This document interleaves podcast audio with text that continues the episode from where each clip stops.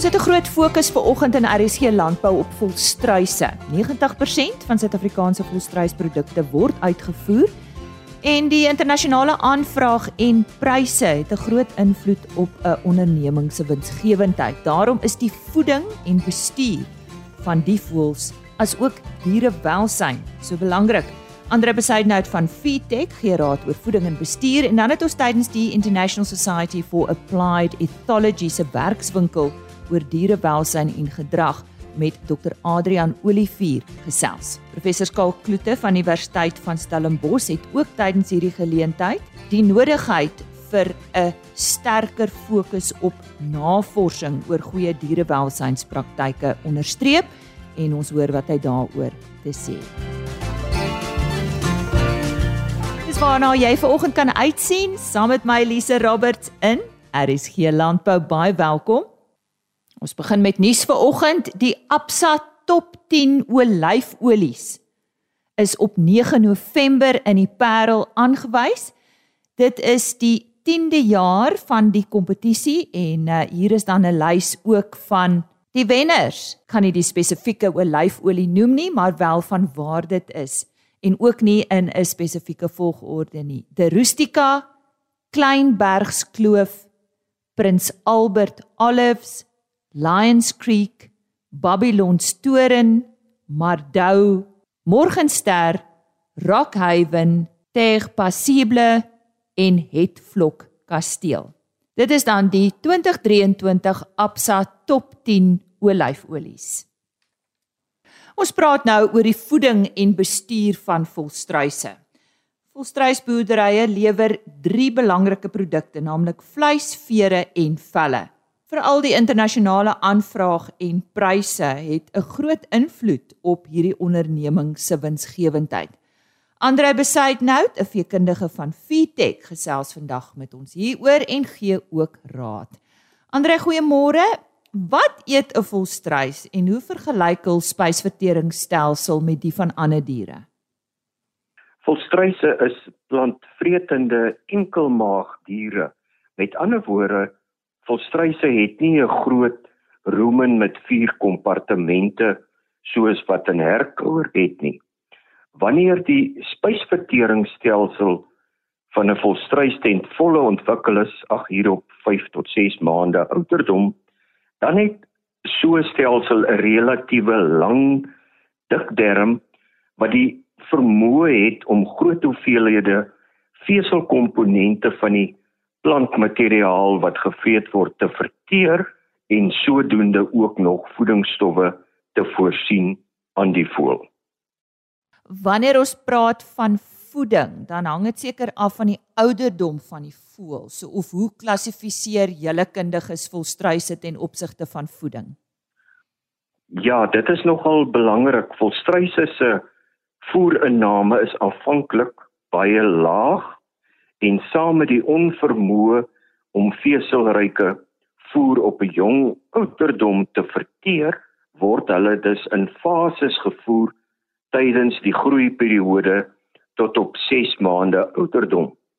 Sodoende kan verskillende rantsoen kwaliteite dan aangepas word met toenemende ouderdom en natuurlik soos wat die daaglikse voerinname ook verhoog. Kom ons praat oor kuikens. Wat is hier belangrik? Volstruiskuikens het aanvanklik 'n baie gunstige voer-omsetverhouding. Ag ons praat van 1,5 tot 1 indien 'n goeie gebalanseerde voer korrek gevoer word en natuurlik indien voerinname gunstig is. Hier word verwys na gebalanseerde voere aangesien enige wanbalans of tekorte 'n onmiddellike en groot effek op groeiresultate het. Verder word die beste resultate verkry indien die fases of verskillende voere volgens liggaamsgewig en nie ouderdom gevoer word nie, want dit het ook te doen met die ontwikkeling van die voel spysverteringsstelsel. Ek wil net weer herhaal dat voldoende voerinname is belangrik vir suksesvolle groeiresultate.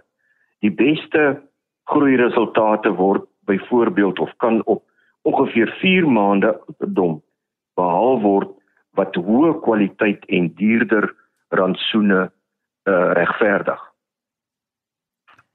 Slagvoëls, wat beveel julle hier aan, Andrei? Slagvoëls is nou al is nou net mos nou 'n ten volle ontwikkelde spysverteringsstelsel en weens die vermoë om vesel te verteer kan laer kwaliteit en goedkoper rifoerbronne in die voeding van slagvoëls gebruik word hier vanaf ongeveer 7 maande ouderdom. By slagvoëls beslaan rifoer da ongeveer 60 tot 70% van die rantsoen.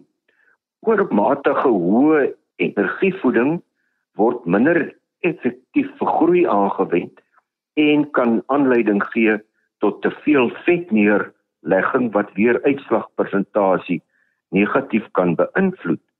So die korrekte en gebalanseerde insluiting van voedingsstowwe is steeds belangrik. Hier dink ons veral aan aminosure wat 'n belangrike rol vervul by die voël se velontwikkeling en vere groei. Dan het ons broei voels. Nou voeding is seker hier baie belangrik want anderste is die uitbroei van die eiers nie so suksesvol nie.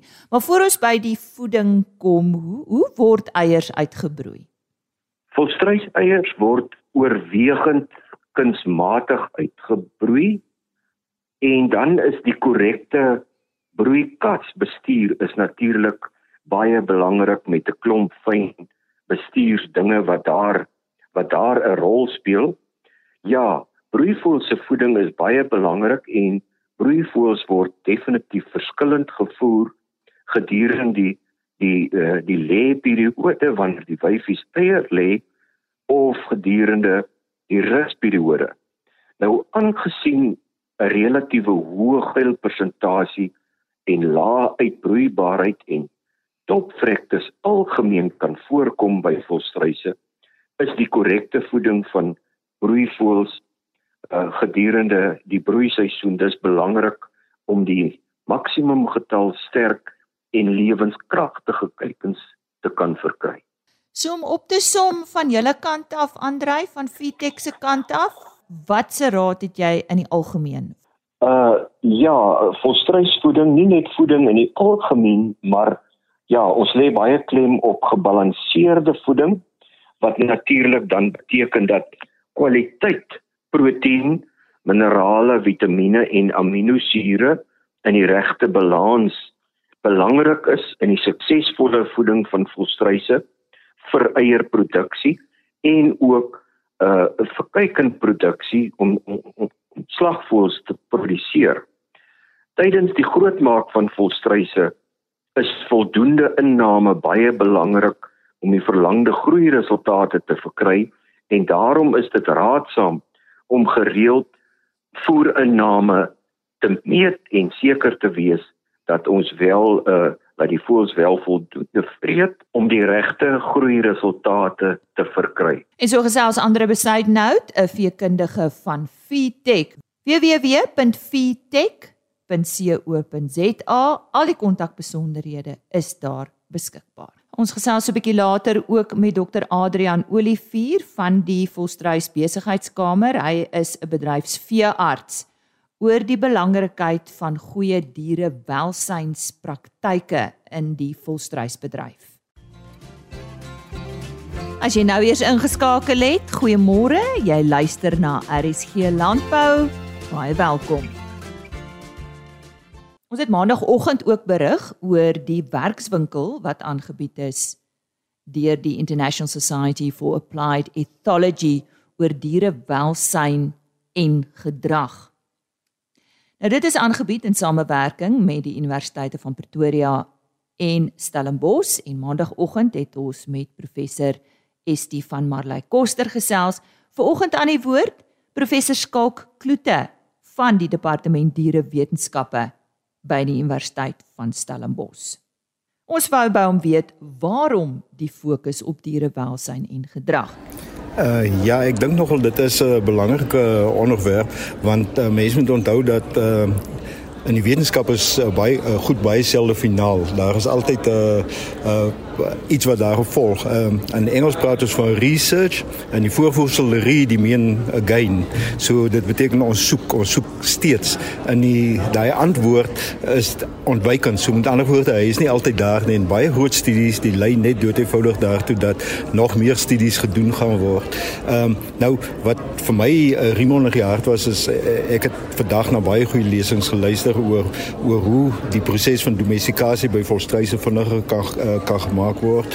Ehm um, en oor hoe dierewelsyn uh, deur uh, Prof Cathy Dwyer uh, goed aan die hand gebring is en hoe sy pragtig gesê het hoe mense uh en diere en dan die gemeenskap uh in te in te reageer om dit moontlik te maak. Ehm um, so ek dink dit was dit dit was baie goed, maar ek dink ek wil ook my hoed afhaal vir die mense wat die bedrywe verteenwoordig het vir wat hulle reeds doen en vir wat hulle nog gaan doen om uh, dit alles moontlik te maak en om seker te maak dat Suid-Afrika op die uh, op die voorvoet bly wat internasionale handel aanbetref. Hmm. Ons is so 'n diverse land met klein boere, groot boere en en een van die opmerkings nou vandag was ook en ek dink dit kom van Sapo af om te sê dat hoe kan ons dierewelsyn toepas as ons nie eers vir ons familie kos op die tafel kan sit nie. So hoe kan ons vir 'n kleiner boer, 'n uh, 'n kommunale boer uh leer hoe belangrik hierdie onderwerp ek moet eerlik sê dit is 'n uitdaging, maar die gewilligheid is daar uh, want hier is vandag uh, by hierdie uh, geleentheid is daar verskeie mense wat juis op daai vlak ingaan en probeer om uh, dit ook beter te maak want dit is reg uh, dit is 'n baie groot uh, iets wat gedoen moet word en wat nie agtergelaat kan word nie. Ehm um, en ek dink tog ehm um, dat ehm um, ontwikkeling daar die gaan soos wat tegnologiese ontwikkeling voortgaan, soos wat naspeurbaarheid beter raak en soos wat ehm uh, jy weet die algemene bewustheid van mense om na diere om te sien ook verbeter. Eh, die probleem is die mense uh, mense was geneig om diere as kommuniteite te sien, maar ek weet dis eintlik kommuniteite wat jy gebruik om jou lewe om te bou. As jy jou lewe om iets bou dan behandel jy dit moet moet moet met 'n groot mate van respek, want jy jy het nodig om uh jy's afhanklik amper wil ek sê van daardie bron uh, vir jou inkomste. En uh, kyk, die vraag nou net oor oor oor boerdery. Ek moet eerlik sê dat boerdery is ek dink een van die moeilikste professies wat daar is en ek dink ook een van die professies wat jy die laagste ehm kan mens nou sê terugvoer op jou kapitaal wat jy belê uh kry. So met ander woorde boere is baie keer lewenstyl boere en boere wat uh boer omdat hulle nie uh, 'n ander lewe kan hê nie want hulle is verknog aan die lewe op die platteland hulle is verknog daaraan om aan hulle gemeenskappe verskil te maak en hulle is ver, ver, verknog daaraan om ook vir die mense wat hulle mee interageer en wat uh, en wat by hulle as ehm um, werknemers uh, is om die lewe ook vir hulle beter te maak. Professor Skaal Kloete van die Departement Dierewetenskappe by die Universiteit van Stellenbosch wat tydens die dierewelsyn en gedragswerkswinkel by die Universiteit van Pretoria met ons gesels het.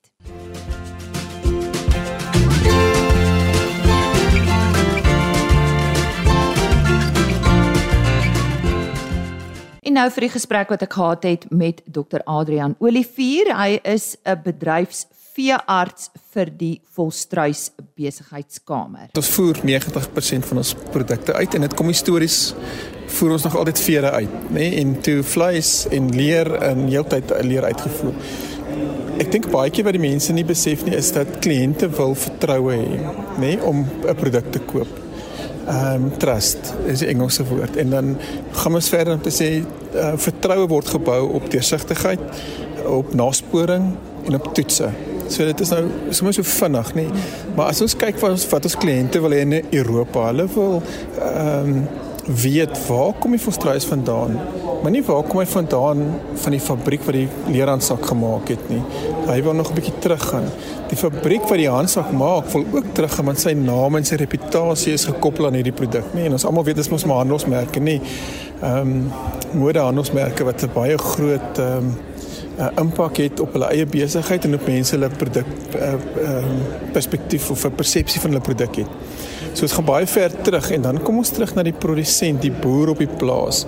En ek dink wat ons voordeel is is dat ons boere geleer het hulle voer 'n produk uit. So hulle weet die behoeftes van die kliënt is anderste as die verbruiker binne Suid-Afrika.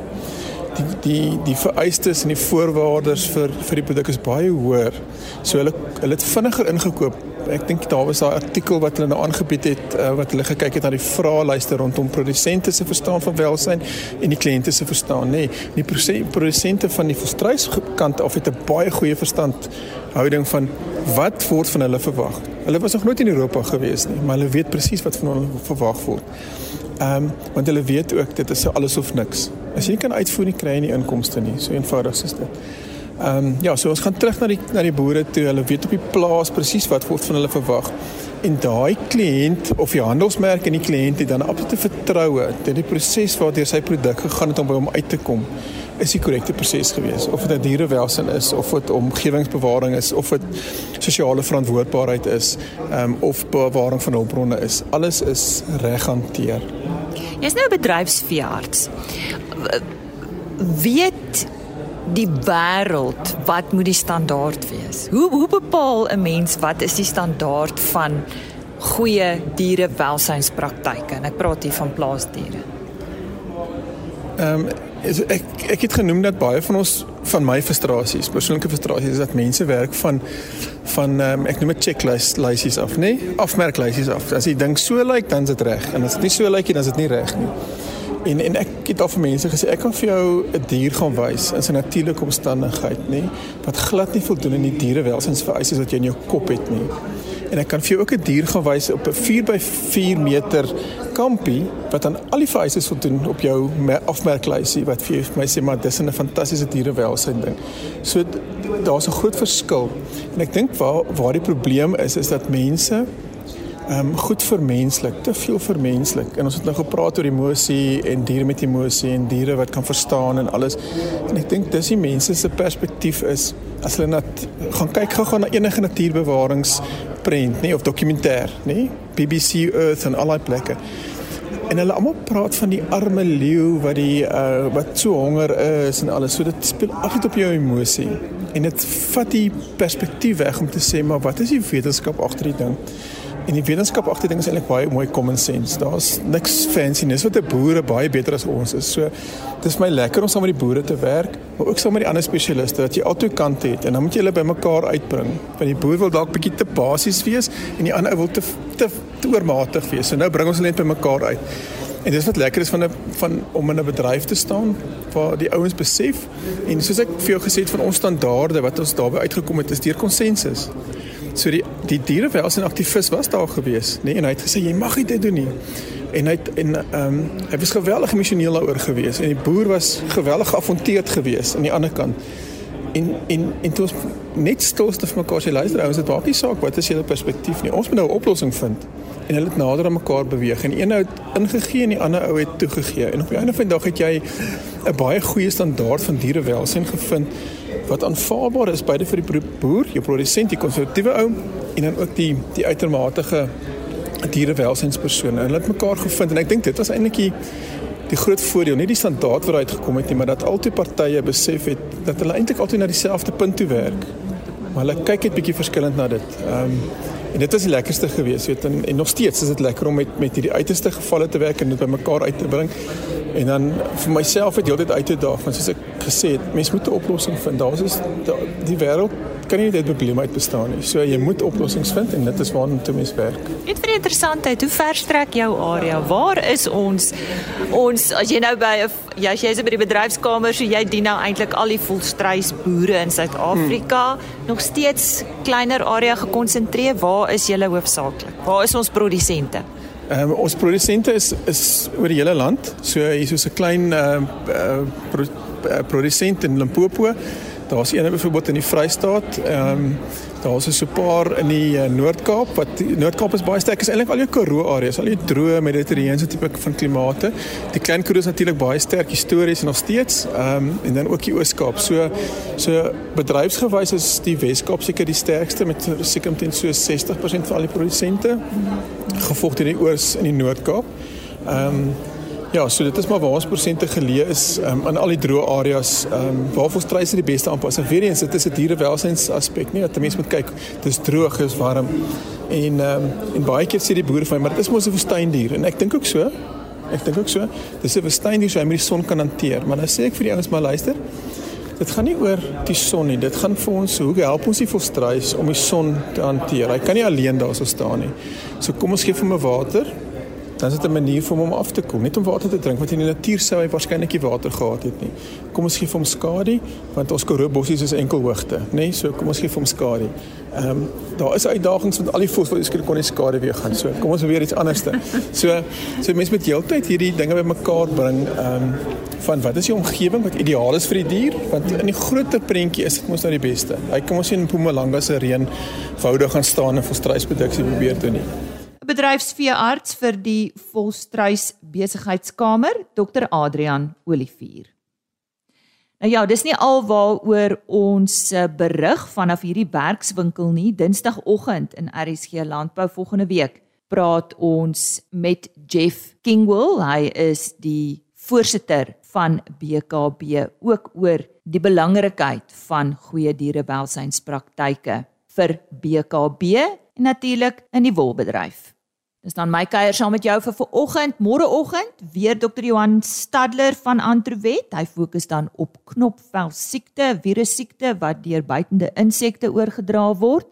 Hy gee raad in die verband en uh, ons hoor ook van uh, Dr. Elrisa Taljaard van Labworld. Hulle doen uh, die kuilvoer monster analises en uh, die hoogtepunt van die Santam Landbou Nasionale Kuilvoer Kompetisie is op uh, 28 November. Dan word vanjaar se wenners aangewys. Johan van der Berg natuurlik, baie belangrik môreoggend weer en Chris Derkse natuurlik ook terug met vleispryse. Dis dan môreoggend 25 oor 5 in RSG Landbou. Ek sluit af met 'n e-posadres en webtuiste rsg.co.za vir die volledige RSG Landbou program. Gaan kyk net onder potgooi. Jy kan ook www.agriorbit.com raadpleeg. Daar uh, word uh, die onderhoude afsonderlik gelaai en uh, dan 'n e-posadres. Dankie ook vir die navraag wat ek ontvang het. Daar is juis 'n luisteraarsvraag wat maandag in RSG Landbou beantwoord word. RSG Landbou by plaasmedia.co.za. Totsiens. RSG Landbou is 'n plaasmedia produksie met regisseur en aanbieder Lize Roberts en tegniese ondersteuning deur Jolande Rooi.